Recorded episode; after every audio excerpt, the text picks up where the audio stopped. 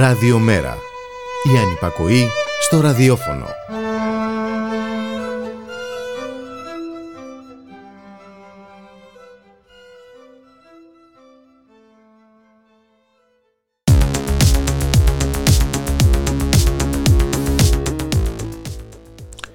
Γεια σας. Άλλο ένα παραλαφούς ξεκινάει με την Πάολα Ρεβενιώτη. Στην αρχή συνταξία ο Τάκης Κουκουρίκης και στον ήχο η Χαρά Στόκα.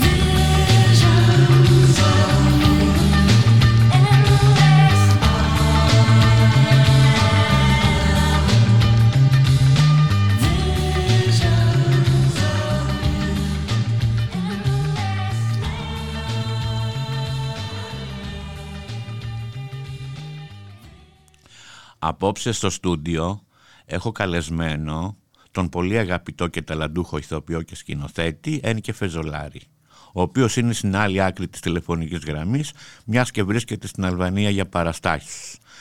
Εν και σε καλωσορίζω. Καλησπέρα σου. Καλησπέρα, ε, κυρία Δεβενιώτη. Σας ευχαριστώ πάρα πολύ για την πρόσκληση και για. Χαίρομαι πάρα πολύ που με καλέσατε. Είναι μεγάλη τιμή και καλησπέρα στους ακροατές που μας ακούνε αυτή τη στιγμή. Ε, έτσι νιώθω μια μικρή συγκίνηση που συνομιλούμε έστω και από την άλλη άκρη της τηλεφωνικής γραμμής και από άλλα σύνορα.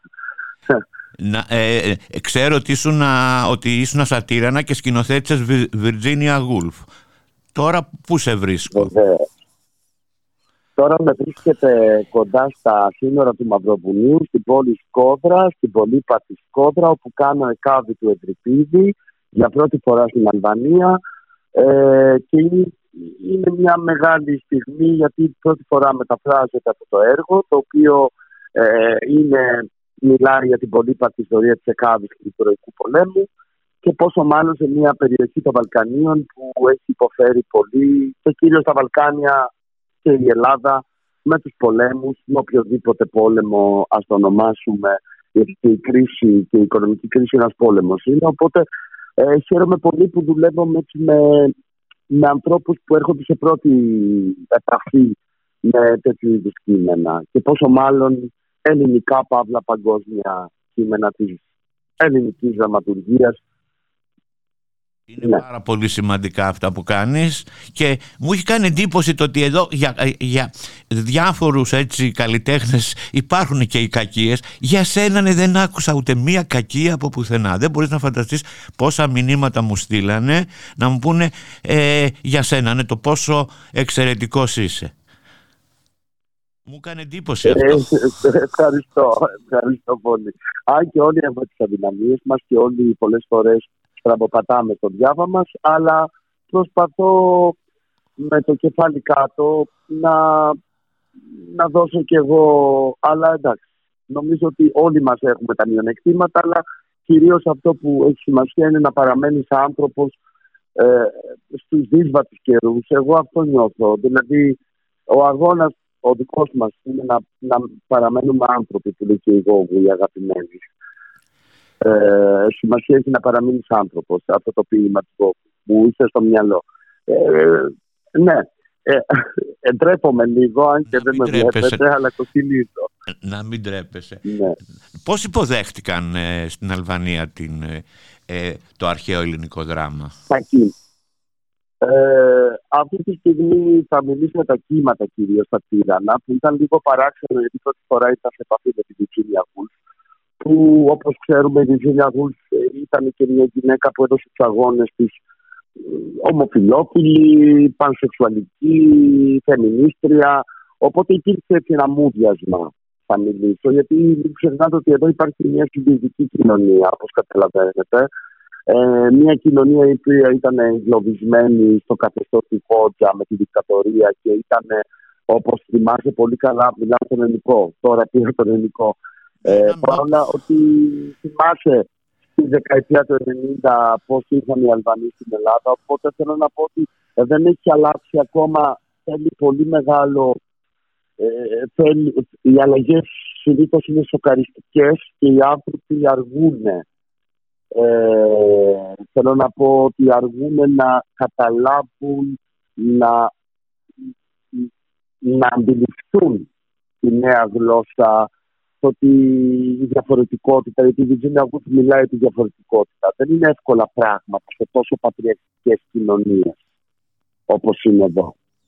Που λέμε για την Ελλάδα, εδώ είναι δύο φορές χειρότερα. Καταλαβαίνεις. Καταλαβαίνω και μου κάνει εντύπωση αυτή η αντίφαση γιατί εγώ έχω γνωρίσει δεκάδες παιδιά από την Αλβανία τα οποία μου φαίνονται πάρα πολύ ανοιχτόμυαλα στην πατρίδα τους πρέπει να είναι πολύ διαφορετικά μάλλον έτσι ναι.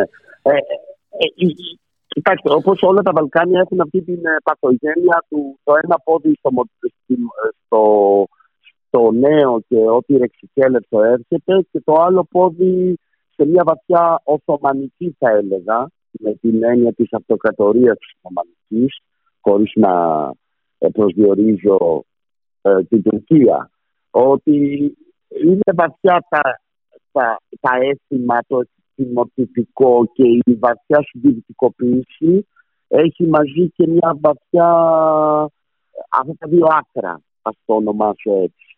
Τουλάχιστον αυτό που βιώνω εγώ εδώ. Είναι διαφορετικό δηλαδή το, το να μεγαλώνει ένα παιδί από την Αλβανία στην Ελλάδα και διαφορετικά. Ε, είμαι σε μια χώρα που παράγει ακόμα μετανάστες όλα. Ε, δηλαδή κάθε μέρα φεύγει κόσμος για την Ευρώπη. Έχεις μιλήσει για την πατριαρχία στην αλβανική κοινωνία. Ε, εντοπίζεις έτσι διαφορές από την ελληνική της εκδοχή; Ε, οι διαφορές είναι ότι εμείς κάπως λόγω της Ευρωπαϊκής Ένωσης, θα το πάω λίγο νομικά, θα το πάω λίγο πιο ε, ε κουλτουρέα, το πω έτσι, με συγχωρείς για τη λαϊκότητα του χώρου, ότι ε, δεν είναι και τόσες μεγάλες οι διαφορές. Απλά εντοπίζω στον πυρήνα, δηλαδή και εδώ έχει γυναικοκτονίες τρομερές. Η Αλβανία δηλαδή έχει τρομερές γυναικοκτονίες. Ακόμα δεν υπάρχει αυτό που λέμε, δηλαδή κυρίως στο ΜΑ υπάρχει, υπάρχει ο ρατσισμός σίγουρα. Δεν σε αγκαλιάζει η κοινωνία τόσο εύκολα. Στην Ελλάδα έχουμε βήματα πολύ μεγαλύτερα. Αυτό όμως έχει να κάνει και με τις πολιτικές, ε, δηλαδή μετά τη μεταπολίτευση κάπως άλλαξαν τα πράγματα και έχει πολύ καλύτερα ότι έδωσε μεγάλους αγώνες. Εδώ ακόμα δεν υπάρχει αυτό που λέμε η πολιτικοποιημένη τώρα κάπως ξυπνάει η νεολαία και οργανώνεται. Δηλαδή ε, ε, ενάντια στην πατριαρχία, δηλαδή οι φεμινιστικές οργανώσεις και η ΛΟΑ κοινότητα κάπως δίνει ένα μεγάλο αγώνα Ω προς το πολιτικό κομμάτι μιλάω τώρα. Ναι, ως, κοινωνία έχει ακόμα βήματα να κάνει. Πολλά. Και νομίζω ότι είναι χρέος μας και ως καλλιτέχνες να μιλήσουμε τα προβλήματα με τις δουλειές μας. Πόσο, είναι, πόσο, δύσκολο να, πόσο δύσκολο είναι να είσαι ΛΟΑΤ άτομο ε, στην Αλβανία, στη σημερινή Αλβανία; Να είσαι Συγγνώμη, δεν άκουσα. Να είσαι γκέι, τρανς ή λεσβία ή οτιδήποτε διαφορετικό από τα κοινωνικά πλαίσια ε, στην Αλβανία. ναι, υπάρχει μια βουβή, θα έλεγα, μια σιωπηρή αποδοχή, αλλά νομίζω ότι ε, η νέα γενιά ίσως θα καταφέρνει καλύτερα.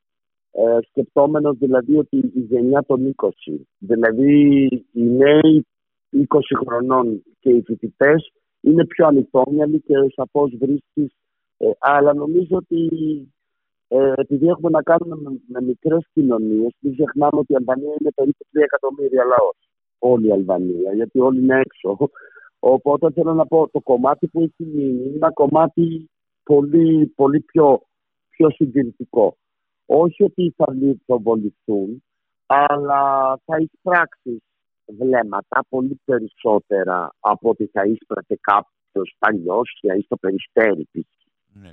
Ε, Κάπως έτσι. Δηλαδή και στην Ελλάδα, αν πας σε μια, σε μια επαρχία, σε μια πόλη, μπορεί να νιώσει κάποιος τη διαφορετικότητα, να νιώθει ότι είναι σαν τη λίγα μες στο γάλα. Αλλά κυρίως προσπαθούν να εξευρωπαϊστούν, οπότε φαίνοντας και εμείς. Ε, αλλά σου λέω δηλαδή αυτό που εγώ μιλάω ως τουρίστας που έρχομαι και ζω πολύ λίγο. Σαν, ε, επειδή είμαι και καλλιτέχνης και κινούμαι κυρίως σε, σε πολύ πιο ανοιχτόμυαλου χώρους. Αλλά νομίζω ότι υπάρχει ε, μια σιωπηρή, ε, όχι απαξίωση, ε, αλλά το νιώθεις. Καταλαβαίνεις αυτό. Καταλαβαίνω απόλυτα. Έχεις πει ότι υπάρχει πλέον έντονη μουσουλμανοποίηση στην Αλβανία. Μια χώρα που πρότεινος ήταν ανεξίθρησκη. Πώς πιστεύεις ότι συνέβη αυτό; Νομίζω ότι αυτά είναι και τα γεωπολιτικά παιχνίδια που παίζονται στα... Δηλαδή στην Αλβανία προς το παρόν υπάρχει μια ανεξαρτητοποίηση της θρησκείας. Δηλαδή δεν έχουμε ε, θρησκεία, το κράτος, εκκλησία που αυτό είναι πολύ σημαντικό, οι ηγέτες των θρησκευτικών των, ε, οι ηγέτες των ε, θρησκειών, να το πω έτσι, δεν ξέρω τον όρο, ε, ε, πάντα είναι ενωμένοι. Δηλαδή έτυχε να βρεθώ στην εκδήλωση της ελληνικής πρεσβείας για την 25η Μαρτίου που μας κάλεσαν και ο Αρχιεπίσκοπος Αλβανίας μαζί με τον Χόντζα, τον αντίστοιχο, ε, ε, ήταν μαζί ενωμένοι, φωτογραφιόντουσαν, δηλαδή υπάρχει μια συνύπαρξη των θρησκειών. Από την άλλη όμως μην ξεχνάτε ότι η Τουρκία έχει επενδύσει πολλά χρήματα στο χτίσιμο των τζαμιών. Δηλαδή υπάρχει πολύ, βλέπεις γυναίκες με μαντήλες και πίστες, πάρα πολλές. Δηλαδή είναι ορατό το στοιχείο της μουσουλμανοποίησης. Δηλαδή τώρα που έχουμε το Ραμαζάνι εδώ, το Ραμαζάνι, ε, στον δρόμο δηλαδή κάθε μέρα περνάνε με τα ταούλια όπου είναι το Ραμαζάνι το Εκπασιανή ας πούμε σέχα. Οπότε το νιώθει το θρησκευτικό στοιχείο του... Ε, ε, με καταλαβαίνεις το Πολύ καταλαβαίνω. Πρόσφατα, τα τελευταία χρόνια... Ναι, συνέχισε, συνέχισε. Ναι.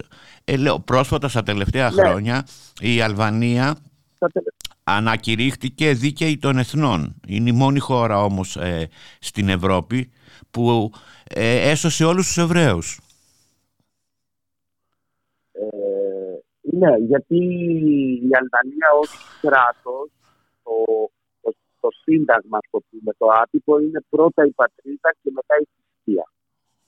Οπότε δηλαδή ως ε, μενταλιτέα, το πω έτσι, στον αλβανικό λαό κυριαρχεί η ιδέα ότι όλους μας ενώνει η Αλβανία και όχι η θρησκεία. Άρα κάποιος μουσουλμάνος και κάποιος χριστιανός και κάποιος Εβραίος μπορεί να συνεπάρξει στο ίδιο τραπέζι. Το οποίο είναι πολύ ωραίο. Ε, μου τα έλεγε, ε, δεν θα ξεχάσω μια φράση που μου έλεγε ένας Αλβανός εδώ στη γειτονιά μου Πιτσυρικά, ότι στην Ελλάδα, είναι, στην Αλβανία είναι δεύτερος ο Θεός, δεν είναι πρώτος. Ακριβώς αυτό, ακριβώς αυτό, Πάολα. Ε, δηλαδή, δεν, ε, δηλαδή και στην πρόβα χαίρομαι πολύ που ας πούμε οι ηθοποιοί είναι καθολικοί, μουσουλμάνοι, ορθόδοξοι και σέβεται ο ένας τα πιστεύω του άλλου. Δηλαδή για, για τους Αλβανίους είναι κάτι, ε, το θρήσκευμα του άλλου είναι κάτι πολύ πιο, δεν ξέρω αν θα το πετύχουν στην αποδοχή της σεξουαλικότητας ε, όσο αυτή η αποδοχή της, της θρησκευτικότητας, παύλα ταυτότητας ε, στο orientation κομμάτι, το θρησκευτικό που είναι πολύ προσωπικό, το οποίο σέβεται το ένας στον άλλο. Τώρα πρέπει η Αλβανία να δώσει έναν αγώνα να σεβαστεί τη σεξουαλικότητα και τις επιλογές του, του, του, κάθε ανθρώπου ως προς την ε, ε, επιλογή του πώς επιλέγει να πορευτεί στην προσωπική του ζωή. Αλλά από την άλλη, δηλαδή, πιστεύω ότι αν επικεντρωθούν οι πολιτικές σε αυτό, ε, είμαι λίγο αισιόδοξος. Δεν είμαι πολύ, αλλά είμαι λίγο αισιόδοξος. Να ακούσουμε λοιπόν ένα τραγούδι και συνεχίζουμε μετά πάλι, έτσι; Ναι, ναι.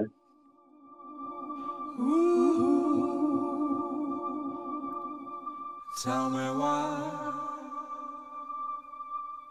Tell me why. Ooh.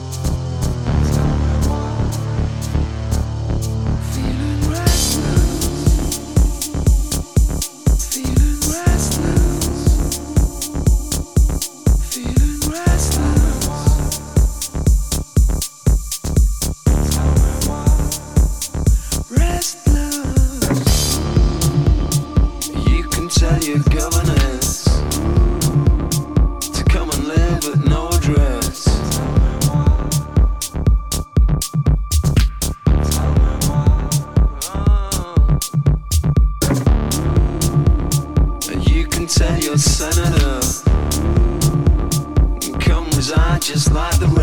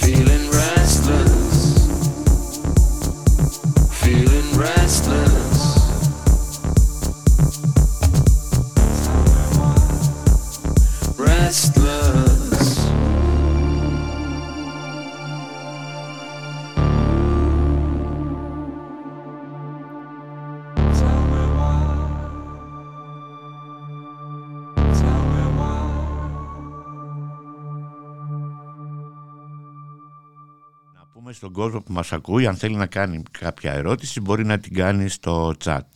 Εν και ήρθε στην Ελλάδα στα 12 σου χρόνια, τη δεκαετία του 90. Βίωσες έντονο ρατσισμό. Ναι. Πόσο σκληρή ήταν η παιδική ηλικία; Ε... Σε ρωτάω γιατί μιλάς ε, ανοιχτά για αυτά τα θέματα. Ναι. Ε, ήταν έντονος ο ρατσισμός γιατί θυμάστε πολύ καλά όλα ότι ε, προερχόμασταν από μια χώρα η οποία ήταν πολύ απομονωμένη. Οπότε η Ελλάδα δεν ήταν τόσο έτοιμη για να υποδεχτεί τόσο μεταναστευτικό κύμα. Ε, νομίζω ότι τα μέσα μαζικής ενημέρωσης ε, μας είχαν, είχαν ήδη προετοιμάσει το έδαφος ώστε η κακή Αλβανή ε, υπήρχε ρατσισμό τα πρώτα χρόνια. Υπήρχε, ναι, εγώ προσωπικά έχω βιώσει διότι ως παιδί μπήκα στο σχολείο που τα παιδιά είναι σκληρά και το ξέρεις πολύ καλά. Ε, οπότε στην αρχή ήταν, θυμάμαι δηλαδή τώρα θα σου πω ότι είχα έναν κολλητό στο γυμνάσιο του Γυμνασίου, τον Μιχάλη και ήμασταν πολύ φίλοι και όταν με κάρεσε στο σπίτι του και ήμασταν στο δωμάτιο του και μου έβαλε τότε με μίσο στην Ελευθερία Αρβανικάρτη και ακούγαμε μουσικές. Ε, ήρθε ο πατέρας του και είπε: Δεν θέλω τον Αλβανό εδώ μέσα στο σπίτι ξανά ποτέ. Οπότε θέλω να πω ότι. Μικρό παιδί αυτό το πράγμα τώρα. Ναι. Οπότε νομίζω ότι τα πρώτα ήταν ότι οι καθηγητές δεν ήταν πολύ ε, εξοικειωμένοι με αυτό που λέμε ε, να φανταστείς ότι ήμουν ο πρώτος, ο μόνος Αλβανός στο σχολείο. Ήμασταν μόνο δύο Αλβανοί στο, στο, στα Γκράβα, στο Δημοτικό θυμάμαι, έξι Δημοτικού, ήμουν ο μόνος Αλβανός. Οπότε καταλαβαίνετε ότι τα παιδιά ήταν ό,τι μα πέρανε στο σπίτι, ερχόντουσαν και μου το λέγανε. Δηλαδή θέλω να πω ότι η ελληνική κοινωνία άργησε πολύ στο να δεχτεί το διαφορετικό. Σαφώς τώρα έχουν γίνει μεγάλα βήματα και ε, χαίρομαι πολύ που έχουν γίνει μεγάλα βήματα, αλλά τα πρώτα χρόνια ήταν δύσκολα. Διότι η τηλεόραση έπαιζε τα εγκλήματα, τους κλέφτες Αλβανούς, τους ε, που μαχαιρώνανε, που κλέβανε, που βιάζανε. Οπότε υπήρχε δηλαδή, επίσης δεν είχαμε χαρτιά, κάτι το οποίο το έκανε ακόμα πιο, πιο δύσκολο. Ήσουν ένας παρία, ήσουν ένας άνθρωπος ο οποίος ήσουν εκτός. Ε, θέλω να πω ότι δεν υπήρχε μόνο ο ρατσισμός του ξένου και ε, έπρεπε, νομίζω το χειρότερο πρόσωπο του ρατσισμού ήταν όταν προσπαθείς να αποποιηθείς το ποιος είσαι. Οπότε θέλω να πω ότι έχουν μείνει τα τραύματα. Είμαι 42 χρονών πάντα και έχω τα τραύματα που όταν κοιτάζω ένα, μια κλούβα των μάτων. Δηλαδή ότι θυμάμαι τις επιχειρήσεις σκούπας. Σε, σε καταλαβαίνω είναι απόλυτα. Είναι πράγματα. Ακό... Ναι. Ακόμη και εγώ όταν βλέπω μια κλούβα ή ένα περιπολικό ενώ δεν με ναι. ενοχλούν αισθάνομαι ένα φόβο ακόμη. Αυτό το τραύμα δεν είναι εύκολο να το ξεπεράσω. Και δεν το ξεπερνάς ποτέ γαμό Δεν το ξεπερνάς ποτέ διότι ε, δηλαδή προσπαθούσες να, να τελειοποιήσεις τα ελληνικά, προσπαθούσες να μην μοιάσεις με Αλβανός εισαγωγικά. Και όλος ο αγώνας, όλη αυτή η έφραστη ηλικία των 12-13 στην εφηβεία, με μια μάνα που με, μας μεγάλωσε εμένα και την αδερφή μου μόνη της γυναίκα, με, με, με, ε, ε δουλεύοντας από το πρωί μέχρι το βράδυ, καθαρίζοντας σπίτια μέσα στη χλωρίνη που πηγμένη όλη τη ζωή. Οι, οι ηρωίδες Όπου... αυτές οι γυναίκες είναι, οι ηρωίδες. Ναι, η οποία, η οποία όμως. Δηλαδή θέλω να πω ότι εγώ από τα 16 μου χρόνια είχα την τύχη, την τύχη το λέω τώρα, γιατί τότε δεν ήταν τύχη και δεν ξέρω αν ήταν τύχη, να δουλεύω σε ταβέρνες στα νησιά και να, να θυμάμαι τους, ε, τα αφεντικά μου να μου λένε όταν ας πούμε ήθελα παραπάνω λεφτά ή ήθελα να φύγω από τη δουλειά εγώ σε έβαλα στο σπίτι μου ε, σε τάισα και τώρα αχάριστη είστε εσείς οι Αλβανοί. Δηλαδή, λες και εγώ εκπροσωπούσα όλη τη φυλή των Αλβανών. Λες και για το δίκαιο, ας πούμε, γιατί μην ξεχνάμε ταξικά είναι αυτά. Όλα ταξικά, είναι, βέβαια. Αν ήσουν κανένας πλούσιος. Οπότε θέλω να πω ότι Οπότε θέλω να πω ότι αυτός ο ρατσισμός υπήρξε στο λεωφορείο ε, ή όταν, ακόμα και τώρα. Δηλαδή, ας πούμε, όταν θα βγω με τη μαμά μου, όταν έρθει η μαμά μου και με επισκέπτεται στην Ελλάδα, το νιώθει. Θέλει, θέλει δύο-τρει, θέλει ακόμα χρόνια. Οπότε σε αντιμετωπίζουν, ε, αλλάζει το βλέμμα της πολίτριας. Αλλάζει δηλαδή το πώς σε προσεγγίζουν οι άνθρωποι. Φαντάσου τώρα να είχαμε άλλο χρώμα. Δηλαδή, εγώ πραγματικά ε, τους Αφρικανούς, τους ανθρώπους που έρχονται. Που, δηλαδή, λέω, φαντάσου που. Ε, πόσο, δηλαδή, πόσο άσχημα θα αισθάνονται αυτοί. Αυτοί οι άνθρωποι. Ναι, πόσο θα... Αυτοί οι άνθρωποι. Οπότε θέλω να πω ότι. Και μην ξεχνάς ότι τότε που υπήρχε όλη αυτή η ευμάρεια και τα χρυσά χρόνια του Πασόκ που χαίρονται όλοι, όλο αυτό το βουζουκομάνι, ωραία αυτή η ευμάρεια και να είσαι, ας πούμε, το, εισαγωγικά το, το κατακάθι. Ναι, φάγαμε ρατσισμό. Και δεν, δεν το λέω γιατί ο ρατσισμός έχει πολλά πρόσωπα. Και ένα παιδί που είναι παχύσαρχο θα πάει ρατσισμό στο σχολείο. Δεν λέω αχ, εμείς οι καημένοι. Δεν λέω τη δική μου, κατάλαβες. Αχ, εγώ τι έχω περάσει τη δική μου. Αλλά θέλω να πω ότι ο ρατσισμός έχει πολλά πρόσωπα. Ακόμα και τώρα που έχω αποκτήσει την ηθαγένεια και έχω την ταυτότητα, σταματάει ο άλλος. Δηλαδή διαβάζει την ταυτότητα και σου λέει Α, δεν έχει ελληνικό όνομα, κατάλαβες. Ή το άλλο που υπήρχε τότε, θυμάσαι το 1995, ας πούμε. Ε, ναι, αλλά εσεί δεν έχετε θρησκεία. Δεν έχετε θρησκεία, ναι, γι' αυτό ναι, είστε ναι. άπιστοι. Θέλω να πω ότι υπήρχαν όλα, όλο αυτό το. Ό, όλη, όλη, όλη αυτή η βία στο λόγο. Δεν ήταν η βία του, του μπάτσου ή του που σαφώς η βία είναι βία, έχει πολλά πρόσωπα. Αλλά υπήρχε μια λεκτική βία, η οποία πολλές φορές εξακίζει πολύ περισσότερο. Καμιά φορά λες, ας πάω δύο μπουνιές και ας συνεχίσω τον δρόμο, παρά να τρώ τη σαπίλα. Γιατί η γλώσσα κόκαλα δεν έχει κόκαλα τσακίζει, λέει ο λαός. Αλλά θέλω να πω ότι και όλα αυτά όσο μεγαλώνεις, ε, αρχίζουν και αποκτούν σαφώς θα κοιτάσουμε μια άλλη σοφία, ας το πούμε έτσι. Το βαπτίζουμε σοφία τώρα, που δεν είναι σοφία. Αλλά θέλω να πω ότι ε, χαίρομαι πολύ που κάπως αλλάζουν τα πράγματα. Που δεν ξέρω. Αλλάζουν. Δεν ξέρω γιατί. Σιγά σιγά αλλάζουν. Και, και ναι, και χαίρομαι πολύ. Δεν θέλω να λέω αυτό που λένε οι παγιοί, αχ, εμείς.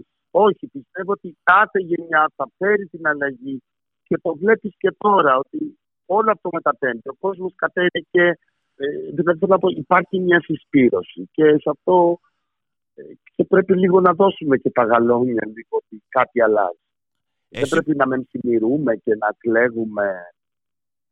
Εσύ πότε άρχισε να συμφιλιώνεσαι με την καταγωγή σου και να αισθάνεσαι καλά με αυτήν; Εγώ ε, άρχισα να συμφιλιώνομαι όταν μπήκα...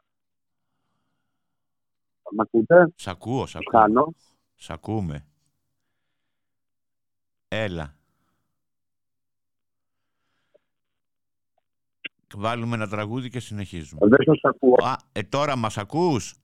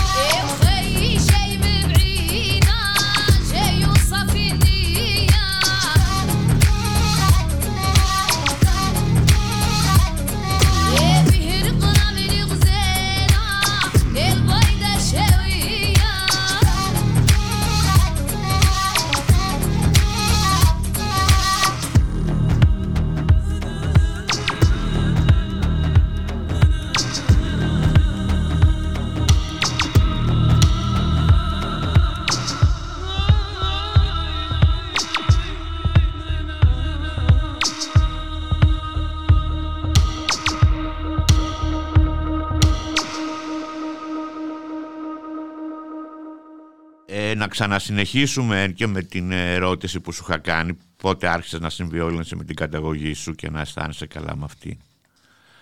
Ε, ναι, όταν ε, άρχισα να με σιγά σιγά, πέρασαν λίγοι, πέρασε και 20 καιρός. Και μετά ε, θέλω να πω ότι στο Λύκειο έτυχα να έχω πολύ καλούς καθηγητές όταν πήγα στο Λύκειο, οι οποίοι σίγουρα έπαιξαν ένα πολύ μεγάλο ρόλο στη διαμόρφωση και της καλλιτεχνικής του προσωπικότητας και της προσωπικότητας του ανθρώπου. Ε, σίγουρα βοήθησε πάρα πολύ αυτό το περιβάλλον. Το περιβάλλον παίζει ρόλο. Και αυτό πρέπει να εκεί εστιάζεται όλο το πράγμα. Το περιβάλλον το οποίο ε, που μεγαλώνει κανείς και που νιώθει. Ε, σίγουρα όταν άρχισα να πατάω στα πόδια μου και να βγάζω τα δικά μου χρήματα και πιστεύω ότι οι άνθρωποι είναι.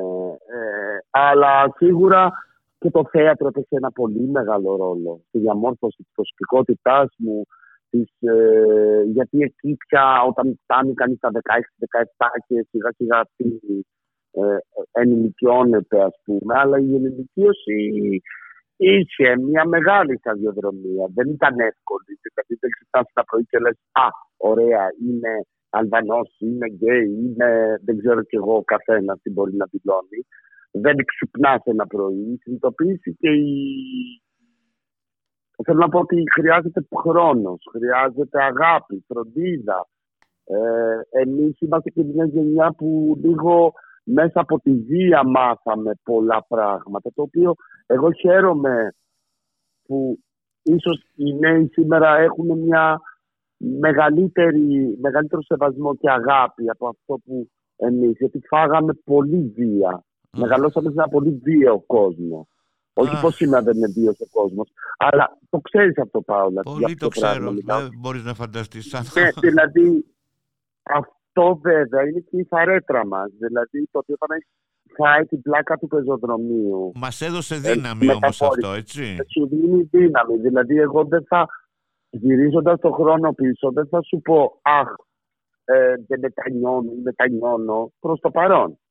Ε, χαίρομαι, αλλά γιατί ρε γαμότο να είχε τόσο αίμα; Γιατί ρε γαμότο, ας πούμε, έπρεπε είναι, να, ναι. Φτάσω, ναι, να φτάσω στο στον απόπατο για να δω το θα μου πεις. Γιατί έτσι είναι και το έγκλημα και τιμωρία. Δεν ξέρω καμιά φορά, αλλά θέλω να πω ότι καμιά φορά η ανάταση, η ψυχική ανάταση μπορεί να δοθεί και με ένα χάτι. Δεν είναι ανάγκη μόνο από τον άλλο δρόμο, το δύσβατο και το σαφώς. Γιατί μπορεί ο δύσβατος δρόμος να σε φέρει και κάπου αλλού. Έτσι ακριβώς. Ε, και όταν, όταν ε, μια φορά επιβιώνεις, μετά γίνεται ένα.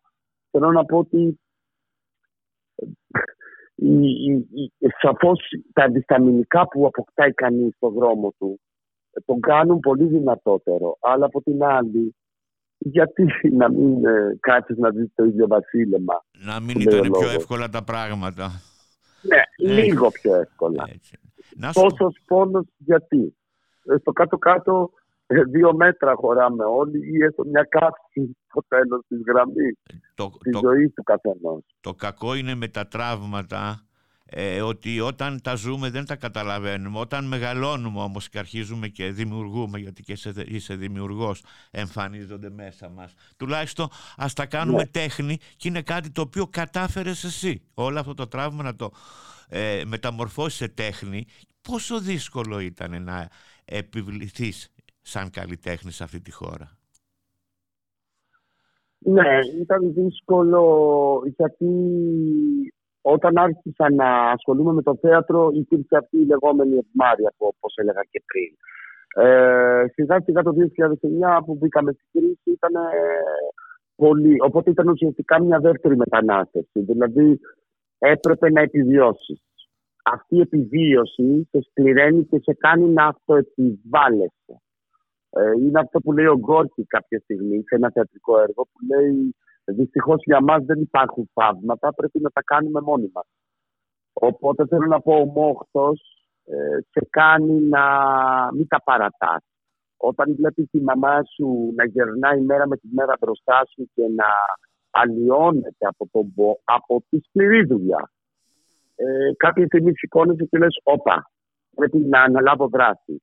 Οπότε θέλω να πω ότι όλο αυτό το Αλβανό, το, το κατάλαβες, αυτό ήταν η παρέτρα μου και δεν το αλλάζω με τίποτα, γιατί αυτό με έκανε να αποδείξω στον εαυτό μου πρωτίστως, ε, σίγουρα συνήθως ξεκινάει το να αποδείξουμε στους άλλους και μετά πάμε στον εαυτό μας. Αλλά αυτά τα δύο είναι ε, ε, ένα εκατοστό. Κυρίως πασχίζεις και, και, και είναι αυτό το ότι καμιά φορά στις μεγάλες δυσκολίες τι λέω, λέω άντεξες τόσα, θα αντέξει. Δηλαδή θέλω να πω ότι ε, αυτό, αυτό το πείσμα και αυτό το, το, το, το, το, η δύναμη που βρίσκεις που ανακαλύπτεις μέσα σου. Να Δεν μπορώ να σου πω ότι έχω φάει το... Ναι. Να ξέρεις, λέω, πόσο σε καταλαβαίνω. Το ξέρω, γιατί είναι η στόφα σου, είναι η, η ταυτότητά σου αυτή. Και, και το, το, το, ξέρω. Γι' αυτό, γι αυτό είσαι αυτή που είσαι. Θέλω να πω ότι ε, περνάς, ειδικά εσύ, περνάς ένα άλλο. Είσαι σύμβολο για μας. Το για τον εαυτό σου μπορεί να είσαι οτιδήποτε, αλλά για μας σε θαυμάζουμε και θαυμάζουμε. Γι' αυτό λέω ότι κάποια στιγμή πάβεις να είσαι άνθρωπος και γίνεσαι, έχεις υποχρέωση για τους άλλους.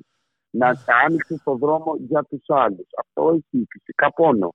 Αλλά χαίρομαι πολύ που έρχονται παιδιά της δεύτερης γενιάς μετανάστες και μου λένε Αχ, ε, με έκανες να αποδεχτώ. Ε, χαίρομαι πολύ, λέω και εγώ, να ένας Αλβανός σκηνοθέτης ε, είμαι περήφανος για σένα. Όπως εσύ αντίστοιχα είσαι παράδειγμα για είναι, είναι, είναι μεγάλη χαρά αυτό να στο λένε.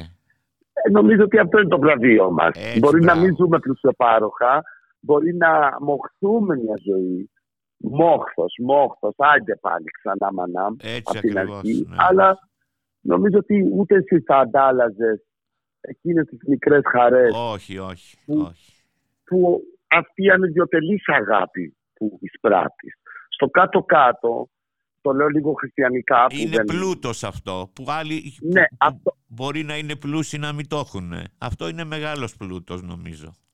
Από την άλλη νομίζω ότι και η... αυτό που λέει και η ελληνική ζωγράφου δηλαδή, που ταιριάζει, είναι ότι πάντα το λάβαρο της ανεξαρτησίας το πληρώνει. Το να θέλει κάποιος να είναι ανεξάρτητος και ελεύθερος σε έναν κόσμο που ε, ε, το σύστημα σου επιβάλλει όλες αυτές τις ε, σε θανατώνει σιγά σιγά γιατί ε, σε θανατώνει με τον οποιοδήποτε τρόπο και στο κάνει πολύ light δεν το καταλαβαίνεις σχεδόν τουλάχιστον λες εντάξει παιδιά θέλω και λίγο ε, ε, μην με δηλαδή ε, έτσι αυτό το οικονομικό σύστημα, παύλα πολιτικό σύστημα, το οποίο σε τρώει από τη γέννησή σου η, κοινωνία και οι στυλοβάτες της κοινωνίας και οι θεσμοί ε, είναι σάπτοι, σίγουρα. Και εσύ ξέρεις, το έχεις δει το τέρας. Γιατί κόβεις ένα κεφάλι, βγαίνουν εννιά. Αλλά νομίζω ότι αυτό είναι που σε κάνει να αντιστέκεται, η αντίσταση του καθενός μέσα του. Γι' αυτό και κάποιος βρίσκει φωλιά στην τέχνη, κάποιος βρίσκει φωλιά στο γήπεδο, στο αθλητισμό, δεν ξέρω και εγώ τι, σε ένα κόμμα που θέλει σε μια ιδέα. Και νομίζω ότι ε, κάπως έτσι οδεύουμε σε αυτή τη κοιλάδα του πόνου και των δακρύων και της χαράς. Και έτσι, ε, αλλά σίγουρα νομίζω ότι αυτά τα πράγματα τα έχει κανείς στην τάση. Είναι, είναι αυτό. Έχεις μιλήσει για τις κακοποιητικές συμπεριφορές στον χώρο του θεάτρου. Τώρα με όλο αυτό το ξεκαθάρισμα που έγινε τα τελευταία χρόνια, πώς το βλέπεις, έχουμε ακόμη πολύ δρόμο μέχρι να απαλλαγούμε από αυτές τις παθογένειες των αυτών των κυκλωμάτων; Ε, νομίζω ότι από την άλλη βλέπεις ότι και η δικαιοσύνη λίγο ε, ε, από ό,τι είδες με τις περιπτώσεις των ε, ανθρώπων αυτών ε, κυκλοφορούν και ελεύθεροι. Θέλω να πω ότι ε, σίγουρα έχει αλλάξει. Έχει αλλάξει πάρα πολύ. Έχει αλλάξει κυρίως το εργασιακό. Ε, και αυτό πρέπει να είμαστε πολύ χαρούμενοι γιατί το πέτυχαν το ΣΕΙ και οι αγώνες και όλα τα θύματα που μίλησαν. Έχει αλλάξει,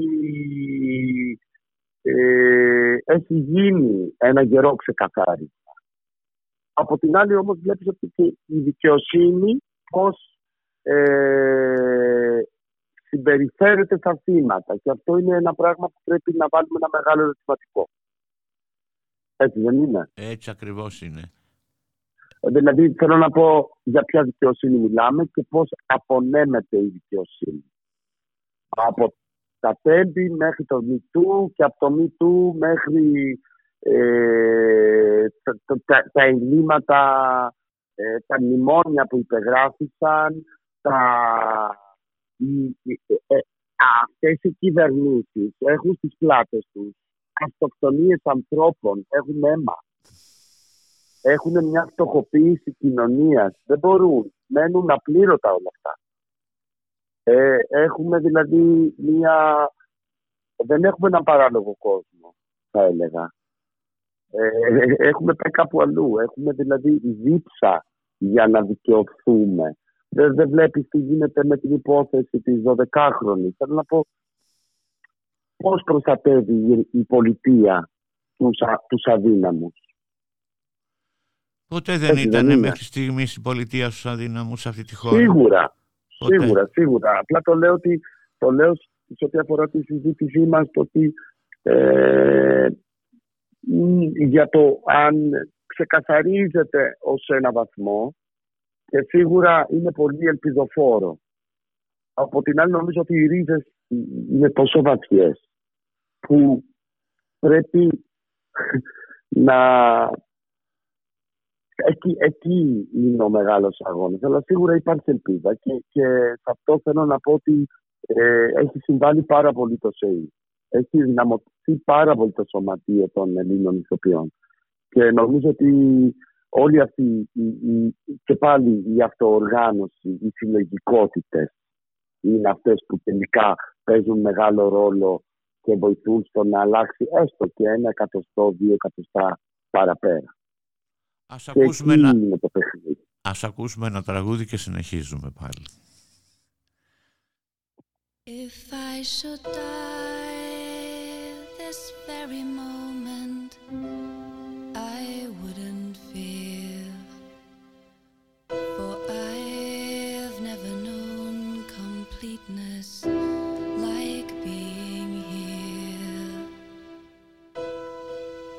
wrapped in the warmth of you, loving every breath of you.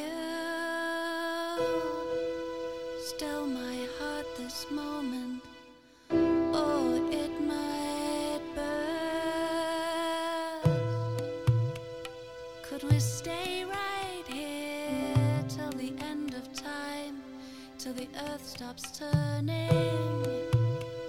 I love you till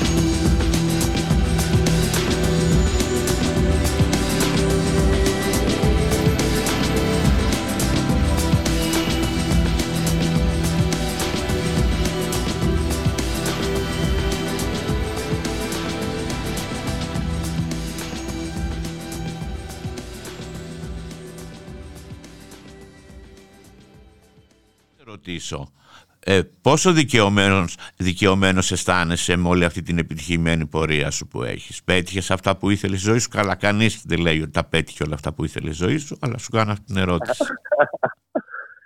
ναι. Ε, νιώθω μια μικρή δικαίωση ξέρεις τι Πάολα, νιώθω μια μικρή δικαίωση για αυτά που πρεσβεύω κυρίως. Αυτό, μια μικρή. Ε, δηλαδή, χαίρομαι πολύ που ε, αν δεν, δηλαδή το ότι ξέρεις τι, το ότι ρε παιδί μου αυτό το πράγμα, το ότι η μαμά μου που ήταν καθηγήτρια, ήρθε μετανάστρια και γέννησε δύο παιδιά και το παιδί της, ο γιος της εισαγωγικά της καθαρίστριας καταλαβαίνεις εκεί είναι ένα μια προσωπική δικαίωση τη νιώθεις καταλαβαίνεις πως το λέω; Αυτό όμως έχει πολύ έχει δάκρυα δεν νο, ε, νιώθω δικαίωση με την έννοια ότι ναι, μπορώ και ε, εργάζομαι. Κάνω πράγματα που ε, όλα έχουν κόστη. Δεν υπάρχει κάτι. Αλλά ναι, είμαι περήφανος. Ναι, έχω μια περηφάνεια. Είμαι πολύ περήφανος. Και αυτή είναι η δικαίωση. Το ότι νιώθω περήφανος για αυτό που καταφέρνω. Όχι για αυτό που έχω καταφέρει, για αυτό που καταφέρνω κάθε φορά. Για τα στοιχήματα που βάζω με τον εαυτό μου. Για τη δουλειά μου για τον υδρότα. Κατάλαβες. Αυτά είναι που μας κάνουν περήφανο. Που έχω δύο ανθρώπους δίπλα μου. Για μικρά πράγματα. Κατάλαβες. Τα έργα εξανεμίζονται. Ε, γίνονται αθμό οι παραστάσεις. Τι μένει στο τέλος; Έτσι δεν είναι. Έτσι ακριβώς. Να σου πω, ε, ε, ε, έχεις πει ότι παρόλη, παρότι η Ελλάδα σε έχει πληγώσει στο παρελθόν την αγαπάς. Τι σημαίνει για σένα η Ελλάδα; Εσύ είσαι Ελλάδα. Αυτό θέλω να πω. Ότι η Ελλάδα είναι για μένα την αγαπώ γιατί είναι η χώρα που, που σπούδασα το θέατρο, που έμαθα. Έμαθα τη σκέψη. Ξέρεις πόσο σημαντικό είναι αυτό, Πάολα. Βγαίνεις έξω στο εξωτερικό και οι άνθρωποι δεν έχουν σκέψη, δεν έχουν λόγο. Δεν αρθρώνουν πολιτική σκέψη, δεν αρθρώνουν Νομίζω ότι η Ελλάδα μου έδωσε την ποίηση, μου έδωσε τη μουσική, μου έδωσε την, ε, ε, ε, ε τους ανθρώπους με, με ενηλικίωσε με έναν τρόπο το οποίο δεν ξέρω πώς να το πω. Αγαπώ αυτό, αγαπώ τους ανθρώπους της. Αγαπώ την Ελλάδα ως μια με την οικουμενική έννοια, όχι με την έννοια γιατί η Αθήνα είναι μια ομορφάσχημη πόλη, δεν είναι όμορφη. Πώς να αγαπήσεις την Αθήνα, αλλά έχει όμως κάτι το οποίο όποτε γυρνάς, είναι... καταλαβαίνετε το λέω, έχει... Νομίζω ότι αυτό, η Ελλάδα για μένα είναι η παιδεία και οι άνθρωποι που συνάντησα και συναντώ. Ελλάδα είναι το ότι θα βγει αυτός ο ήλιος, όσο και κλεισέ και να ακούγεται, και είναι αχ Παναγιά μου λες, εντάξει. Υπάρχει αυτή η αλληλεγγύη, υπάρχει, σαφώς υπάρχει και ένα κομμάτι το οποίο είναι πολύ σκληρό. Μην το ξεχνάμε αυτό. Αλλά νομίζω ότι εκεί κάπως, ναι, νομίζω ότι αυτό, ότι ε, ναι, μου έδωσε το θέατρο και αυτό που είναι σήμερα. Και είναι και, και, και, και τυχεροί οι, οι Έλληνες που σε έχουν γιατί μαθαίνεις κάνεις παραστάσεις ε, ε, ελληνικά έργα στην, στην, Αλβανία. Ναι και αυτό το ε, ξέρεις τι, και επίσης θέλω να σου πω κάτι που στο φύλαγα για μετά ότι ας πούμε τώρα κάνω εδώ με ένα σχολείο τα νέα παιδιά τους κάνω τον ε, επιτάφιο του Περικλή. Και ξέρεις πόσο ωραίο είναι που τα παιδιά αυτά πρώτης λυκείου, δευτέρας λυκείου έρχονται σε επαφή με το λόγο του Φωκιδίδη μαθαίνουν όχι την ιστορία, δηλαδή διαβάζοντας και έρχονται σε επαφή με τη γείτονος χώρα. Κάτι το οποίο ακόμα η Ελλάδα δεν το έχει, δεν έχει απλωθεί στα Βαλκάνια με την έννοια ότι εδώ αγαπούν την Ελλάδα πολύ. Α, ακούνε ελληνική μουσική στην Αλβανία. κάτι που στην Ελλάδα δεν ακούν αλβανική μουσική. Okay, αφήνω την τραπ απ' έξω. Αλλά θέλω να πω ότι ε, είναι πολύ σημαντικό να τους μετα, να τους μετουσιώνει και να τους πει ότι παιδιά η Ελλάδα δεν είναι μπουζούκι και μουσάκα, τσιτσάκι the Greek. Δεν είναι ζώντα the Greek. Είναι και κάτι άλλο. Και αυτό είναι πολύ ωραίο ε, για μένα. Ναι, είναι πολύ ωραίο. Είναι πολύ... Αυτή είναι η ανταμοιβή που λέγαμε για τα πράγματα του περηφάνεια. Το ότι τους, τους, ε, τους κάνεις να αγαπήσουν κάτι που εσύ το έχεις αγαπήσει. Και νομίζω ότι αυτό είναι γενικός για όλα τα πράγματα. Πάντως είναι, μεγάλη χαρά έτσι να μιλάς με έναν άνθρωπο σαν και σένα ναι, που να τα λέει τόσο πολύ έτσι όμορφα. Δυστυχώς τέλειωσε η ώρα.